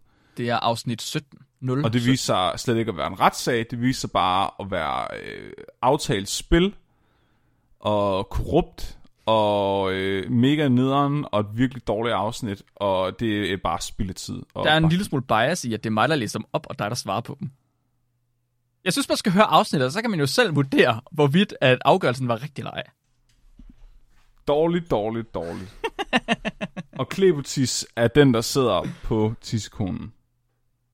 Op i toppen. Det er der, hvor Flemming han, han nu er begyndt at tegne høns. Ja, ja, fyshøns. Øh, Lonnie Wirtz, hun har skrevet ind og sagt, at det kunne være godt at høre lidt om skiftene fra da vi studerede sammen og sås ofte, til nu at optage langdistance, og hvordan de forskellige skift har været for os og for podcasten. Så da vi ligesom, da vi startede med at lave podcasten, der kunne vi sidde på universitetet sammen, fordi vi var studerende, vi havde ikke bedre til os til. Øh, så vi kunne faktisk finde tid i løbet af dagen til at sætte os ned og, og lave de her optagelser. Vi kunne også finde, finde tid til at researche ret nemt. Det er skiftet, fordi på grund af corona var vi nødt til at skulle optage remotely, og det gjorde vi, og det er jo ikke noget problem i virkeligheden. Øh, men siden da har vi begge to også fået, Flemming har fået børn. Øh, ja, der er faktisk gået tre børn siden, øh, ah, to børn, To børn to børn, ja. to, to og en halv. Øh, og hus. Og, ja, to børn, ja, og et hus, og øh, basically en PhD på den her tid her, og fuldtidsjobs, og jeg skal fandme komme efter jer. Der er gået rigtig meget godt tid med det her. Og Jeg tror, jeg er kommet i puberteten nu også. Flemming kom i puberteten. Ja. Han kan næsten snakke om klepotis. Nej. Nej, okay, så er jeg ikke helt i puberteten endnu. Så der er sket det, at podcasten, hvis, hvis nu må jeg sige, om jeg tager fejl, men podcasten er blevet en form for, øhm, for bidjob for os. Hvilket jeg ikke synes er en skidt ting, men det betyder også, at vi har været nødt til at tage hånd om podcasten på en mere struktureret måde, for ligesom at kunne få tid til den. Ja. Hvor tidligere har det været meget impulsivt, vil jeg sige. Ja. Og nu er det nødvendigt, at vi finder meget specifikke tider til at gøre forskellige ting. Det er noget, vi gør for sjovt, selvom det nogle gange føles som et arbejde. Ja, præcis. Fordi det er ikke noget, vi tjener penge på.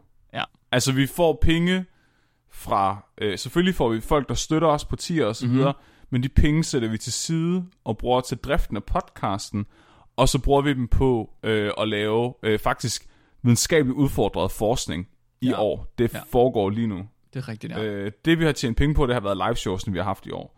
Ja. Ja. Så det er ikke, når, så når Max siger et bidjob, så er det ikke fordi, at det er en decideret indtægtskilde for os. Det er vi gør det for sjov, men vi, forstår, men vi er også nødt altså, vi er også nødt til at kunne lave noget, der er værd at lytte til. Så vi er også nødt til at arbejde lidt, som om det er et Ja. arbejde.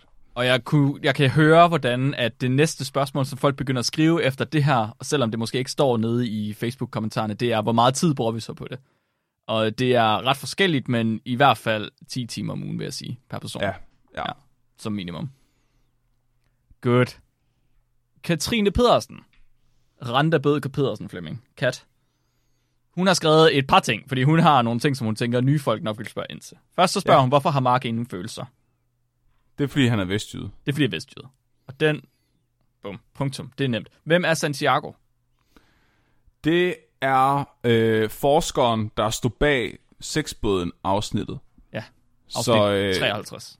ja, der lavede jeg en parodi på Santiago, hvor jeg åbenbart lavede en stemme, der lød ligesom Lotte fra Anna Lotte. Mm. Og han, han er sådan lidt blevet en maskot, den der hybrid mellem Anna og Lotte og, og en spansk, meget behåret forsker. Han er meget smuk mand. Ja, jeg ved ikke, hvorfor at folk lige greb meget fat i den. Jeg tror, det er fordi, det var sådan en, der skilte vandene. Der var sådan folk, der virkelig hardcore lytter af podcasten, synes det var sjovt. Folk, der ikke vidste, hvad podcasten var, der trykkede på et afsnit, fordi det afspillet mange gange, blev meget forvirret over, at der lige pludselig var en og Lotte stemme. Det er, det er stadig et af mine yndlingsafsnit. Jeg er også rigtig glad for det. Det er meget sådan videnskabeligt udfordret. Ja, det er 100%. Så skriver hun, hvorfor høns? Okay, det er der rigtig mange gode grunde til.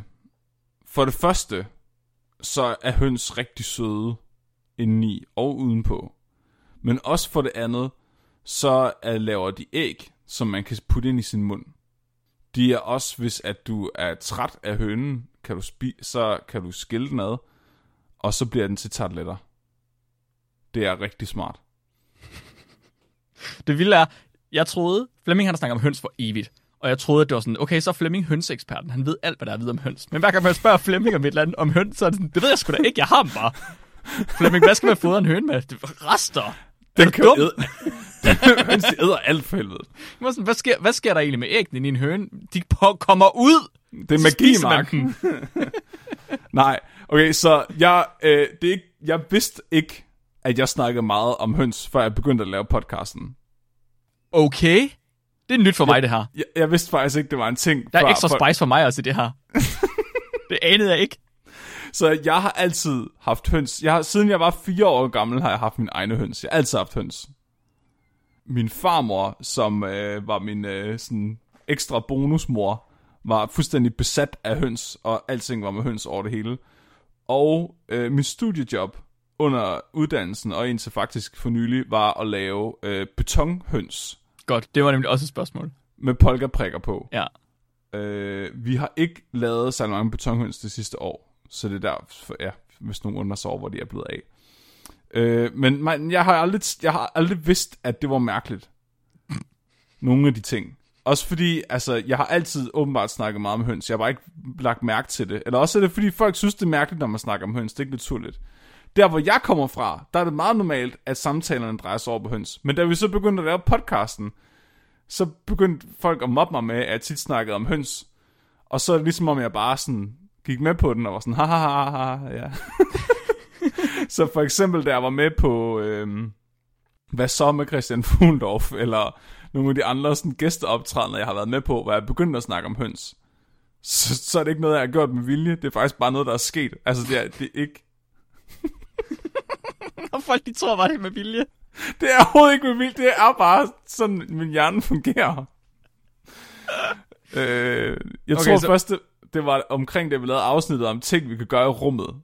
Hvor jeg ligesom embraced min hønsepersona. Øh, hvor jeg snakker om hønserummet. Ja.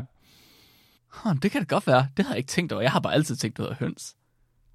Jamen, jeg, jeg har ikke vidst, at det var en... Var, altså, det er ikke noget, jeg identificerede mig med, før jeg fik at vide, hvor besat jeg var af høns. Okay, der kan bare se. Ja, fair nok. Øhm, og så, Flemming, du, du er nødt til også at forklare, hvad er dealen med de der betonhøns? Øh, det, det er, at øh, jeg har lavet, jeg har øh, lavet sådan nogle beton, høns ud af beton, meget, meget tunge betonhøns, og malet dem i hæstlige farve med polkerprikker på, og solgt dem som haveskulptur. Og det, dem har vi solgt rigtig, rigtig, rigtig mange af. Flemming, han er... Øh, han, han siger det... Hvad fanden hedder det, når man, siger, når man ikke siger så meget om sig selv? Kæft, mand. Jeg er ydmyg. Flemming, han er meget ydmyg. Fordi Flemming, han siger, han har solgt mange af de her høns her. Flemming, han har solgt rigtig, rigtig mange af de her høns her. Og han har ikke bare solgt dem til naboerne. Det er sådan, at folk er kommet og er kørt fra Tyskland af, for at køre op til Tåsinge, for at tage på fisketur, men også for at få en fucking betonhøn. Når Flemming han laver nye betonhøns nu, så laver han 100 af gangen. Og der går tre dage, og så er de alle sammen væk. Der er betonhøns overalt i Danmark. Vi finder dem. Vi finder dem, mig og Flemming. Finder dem tilfældige steder, hvor vi sådan lidt, hvad fuck sker der? Hvor fanden er der betonhøn her? Og det værste er, at altså, den originale høne, som vi støber fra, var en, jeg skulpturerede i lær på 5 minutter, fordi jeg var sådan, ja, ja, mor, jeg skal nok... Det er mig og min mor, der har lavet dem sammen, primært. Og det dem folk vil have. Jeg prøvet at gøre mig umage og lave nogen, der er pænere og sådan noget, dem folk ikke have. Nej. Folk vil have den der virkelig grimme betonhøne. Jeg har også prøvet med betonnisser, det gik heller ikke. Øh, min far har betonnisser overalt hjemme i sin lade nu, som han prøver til at holde præsendinger nede med, fordi dem kunne vi ikke sælge. Så. Der er et eller andet cursed over de der betonhøns. Der er et eller andet cursed over dem. De, de, sælger, de går som varmt brød. Øhm, det har spørg- jeg har ikke lyst til at stille et spørgsmål her. Kom med det. Hvorfor er Fleming besat af Christian? Det har jeg... Okay. Det er et rigtig godt spørgsmål. Hvis det kommer over halvanden time, så stopper jeg bare optagelsen, Flemming. jeg har 10 minutter til at snakke om Christian. Det er fordi... Jo, hver gang man tror, man forstår Christian, så lærer man noget mere, og så finder man ud af, hvor alt hvad jeg troede, det var forkert. Så lærer man noget mere, og så kommer man tilbage. Så først tænker man, ej, hvor er det synd for ham, han bliver drillet. Så tænker man, ej, okay, det har han faktisk, han har fortjent det. Men så bliver man alligevel, så går der noget tid, ej, det er synd for ham. Og så gør han det andet fucked up igen, og så tænker, okay, han har fortjent det. Og så sådan hele tiden frem og tilbage. Men det, jeg synes, der er det interessante ved Christian, det er, ikke så meget de folk, der har været onde ved ham. Det er mere det med, at han lever i en øh, fantasiverden, hvor i han er helten, og alle andre er skurken. Og det, at der er så nogle trolls, der har formået at gøre, det er, at de har placeret sig selv i hans univers som superskurke. Og han, han er, han, hans ego er så stort, at han oprigtigt har troet på det. og jeg synes bare, det er virkelig, virkelig sjovt, at... Altså, en ting er, at han er skør i hovedet. Men en anden ting er, at nogen har været intelligente nok til at forstå, hvordan han var skør i hovedet, og så tab ind i det, og hoppe ind i hans hoved, og fuck med det. Altså, det er virkelig sådan, det er så meta, og så specifikt, og så underligt og sjovt på samme tid, at jeg sådan bliver, jeg kan ikke slet ikke, det, mm. det er slik. Hurtig forklaring for dem, der er ligesom mig, ikke sådan helt inde i, hvad det er. Så Christian er sådan en internetpersonlighed, øh, som er blevet til verdens største, mest organiserede øh, eksempel på voksenmobning. Og det hele er dokumenteret i podcast og i wikier. Ja, og det er så det, Flemming han har gået mok i, de der podcasts, de her wikier. Ja. Nice. Øh, Rasmus Kirkeby, han spørger, hvad er en ikke-Nobelpris? Er det bare, skal jeg bare svare på dem alle sammen? Altså, Jamen, det passer altså, mig det, fint. Det, jeg synes, det er så fint. Du er rigtig god til at svare på dem. Yes! Ikke Nobelprisen, det er øh, Nobelprisens sexede lille søster, som er meget forbudt. eller, også er det, eller også er det i virkeligheden er det, øh, er det den dreng, der sidder over bagerst i klassen og spiser lim. Ja, ja det, det tror jeg mere rigtigt. Ja, det kommer lidt an på, meget lim man selv har spist, hvordan man oplever det. Ja. Ikke Nobelprisen er en joke Nobelpris, som bliver givet til øh, videnskab, der får en til at sige, ha, ha, ha, og så bagefter siger man, hmm, det er deres egen definition. Ja. Først griner man, så tænker man. Mm-hmm. Og det er egentlig meget essensen af den podcast, vi laver, eller i hvert fald det, vi gerne vil. Mm-hmm. Så vi vil jo ikke kun øh, pege og sige, haha, se der er noget sjovt, vi vil også gerne prøve at lære noget. Fuck, det burde vi måske have sagt tidligere. Ja. Ja, for sent. Det lød, det lød lidt som om, at vi bare gør nar af dårlig videnskab i starten måske. Gør det det? Ja, en lille smule. Okay, det må, det, jeg vil lige have det klippet til, så det ikke gør det. Det var ikke meningen. det er okay. Det er okay, Mark. Vi kan bare klippe det her ind helt i starten. Jamen, det kan vi godt. Det, det ordner jeg. men, men, så ikke Nobelprisen er en hel masse øh, virkelig nørdede forskere, der mødes, og så uddeler de den her pris. Men det er lidt ligesom dårlig film. Så Sharknado er for eksempel ikke en god dårlig film. Sharknado er bare en dårlig film. Fordi Sharknado ved godt, at den er dårlig. Det er nogen, der har sagt, lad os lave en dårlig film. En god dårlig film, det er The Room. Fordi der er nogen, der har prøvet at lave en god film, og gjort det så godt de kunne, og så er det bare blevet en fucking dumpster fire. Og så er det sjovt.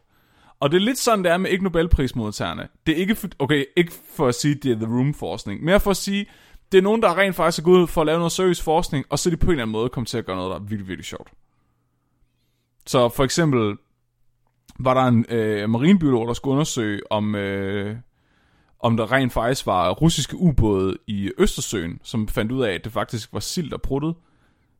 Virkelig god videnskab, solid peer-reviewed forskning. Det er bare virkelig, virkelig sjovt. Det er ret dumt. Det er ret dumt. Det, det kan være øh, nogen, der undersøger, hvorfor, øh, hvordan vombatter laver firkantet lort. Simpelthen bare fordi det er interessant, om man kunne bruge det i industrien til at lave øh, særlige rør med.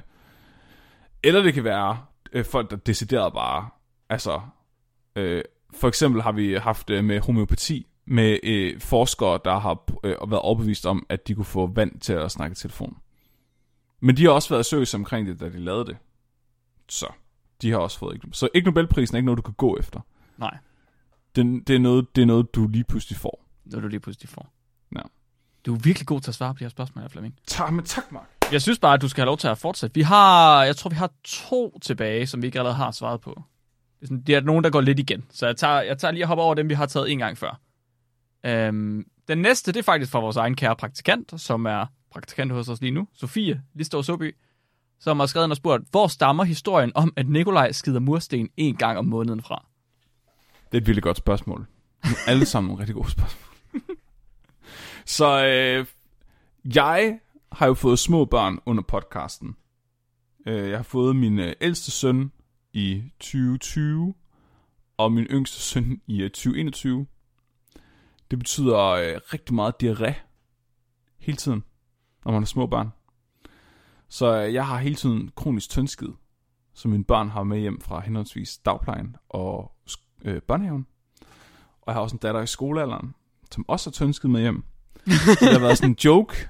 Uh, hver gang vi har måttet uh, udskyde optagelsen af podcasten, så er jeg lige været nødt til at skrive, Hallo, uh, jeg kan ikke lige være med i dag. Jeg har lavet lort i bukserne. Og der er det så på en eller anden måde, at vi så kommer ind på øh, hinandens afføringsvaner, simpelthen for at diskutere, jamen, er det normalt, at jeg skider bukserne så tit? Og der er vi jo så kommet frem til, ja, det er faktisk helt naturligt, at jeg, Flemming, skider i bukserne. Det, der er mærkeligt, det er, at Nikolaj aldrig skider i bukserne. Fordi så kommer vi til at snakke om, hvor tit skal man gå på toilet. Og så Nikolaj, den psykopat, han siger fuldstændig stille og roligt, jeg skider en gang om ugen. Jeg spiser mange fibre. Det er ikke normalt, Nikolaj. Det går mig ondt. Og uanset hvor meget man diskuterer det med ham, så vil han ikke erkende, at hans tarmsystem er forkert. Jeg tror måske bare, det er fordi, der skide er så øh, vigtig en del af min selvforståelse og identitet, at jeg slet ikke kan forstå Nikolaj som menneske.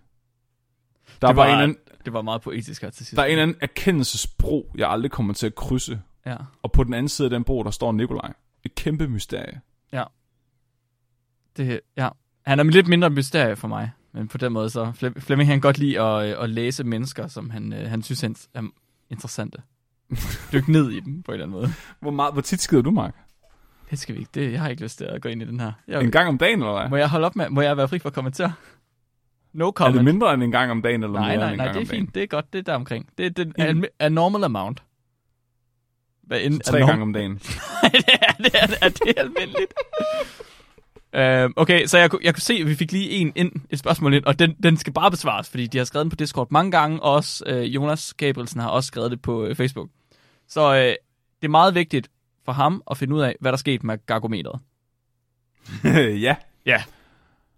Så uh, gargometeret er, vi blev på et tidspunkt uh, taget fat i af en, en gut, en kammerat, der hedder Bjarke. Han bliver i, i folkemunde omtalt som Barometer Bjarke. Øhm, og Barometer Bjarke, han vil gerne hjælpe os med at lave en form for scoringssystem af vores øh, afsnit, ligesom han havde hjulpet Alexander Peter fra Vanvittig Verdenshistorie. Og øh, det var egentlig rigtig fedt. Det var mega fedt faktisk, og vi fik det op at køre, og vi brugte det også i rigtig lang tid. Men vi er så ustruktureret, at vi kunne ikke finde ud af, hvordan vi bedst fik scoret de her afsnit her. Vi gjorde det i, indtil jeg tog på øhm, udlandsophold til Singapore. Og øh, i Singapore, der, havde vi, der var vi nødt til at optage en masse afsnit på forhånd, for at vi ligesom havde afsnit, vi kunne udgive. Og så optog vi også afsnit, mens jeg var i Singapore. Så vi vidste ikke, hvad rækkefølgen ville være. Og derfor så kunne vi ikke, det vi gjorde, det var, at vi scorede altid afsnittet fra gangen før. Ja. I stedet for at score det afsnit, vi lige havde snakket om. Så vi kunne ikke vide, hvorfor det afsnit, vi skulle score. Og det gjorde det bare virkelig svært for os, at så score de der afsnit der. Jeg tror også, det er fordi, vi har haft svært ved at finde tid til at have det segment med i podcasten. Mm. Fordi der var et tidspunkt, hvor vi havde lytterspørgsmål. Vi ja. havde uh, call to action, hvor vi snakkede om, hvad ja. der foregik, uh, folk kunne deltage i. Så havde vi, at vi skulle sidde og bruge 10 minutter på at score et afsnit. Og så havde vi også lige en dyrfakt ja. og næste uges afsnit. Ja. Og så endte uh, faktisk uh, afslutningen af podcasten med at vare lige så lang tid så, som selve hovedpodcasten. Ja. Og det har vi gjort meget for at prøve at korte ned. Hvis jeg skulle sige noget i forhold til øh, gargometeret, så er det nok, at vi, hvis jeg, jeg forestiller mig, at vi på et eller andet tidspunkt sætter os ned med en kasper og livestreamer, og så går vi bare i gang. Fordi jeg kan rigtig godt lide at have barometeret til, ja. at folk kan gå ind og orientere sig og lytte til et afsnit. Mm-hmm. Men jeg tror ikke, vi kommer til at putte det ind i slutningen af afsnittet igen, simpelthen bare fordi vi kan ikke nå det. Ja. Vi har lytterspørgsmål i stedet for. Det er ligesom det, der ligger i øh, slutningen af vores podcast. Fuck, du var så fucking klog, Flemming. Prøv at, da vi lavede det her afsnit sidste gang, der siger Flemming, at det er mig, der ligesom var chefen, fordi jeg var mere alfa end Flemming, han er, når er vi er sammen. det, vores roller er bare blevet omvendt nu. Det er Flemming, der er chef nu. Det er Flemming, er, er der styrer. men er det ikke rigtigt? Er det, jo, det er, det er rigtigt. Du har ret. Det er jo, der, det, er jo det, jeg siger. Okay, jeg bliver helt forvirret. Jeg kan ikke finde ud af, om du er ironisk lige nu. Jeg er ikke ironisk. Jeg har ikke været ironisk i flere år, Flemming. Fordi nu du siger, jeg ikke må.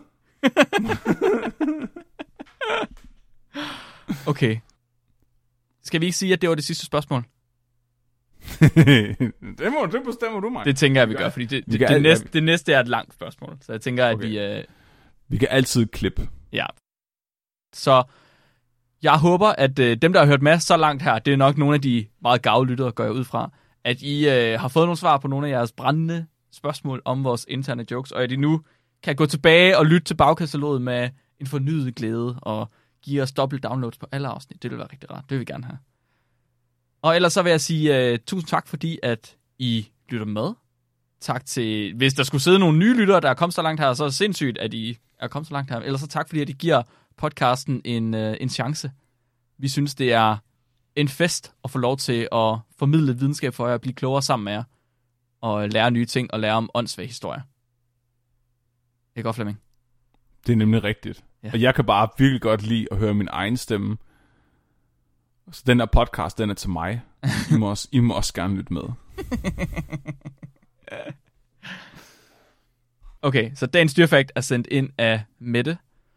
Og Mette, hun har skrevet ind, at geparder, de kan ikke brøle. De kan kun miave, ligesom en huskat. Jeg er Flemming. Og mit navn, det er Mark. Du er blevet videnskabeligt udfordret. Husk at være dum.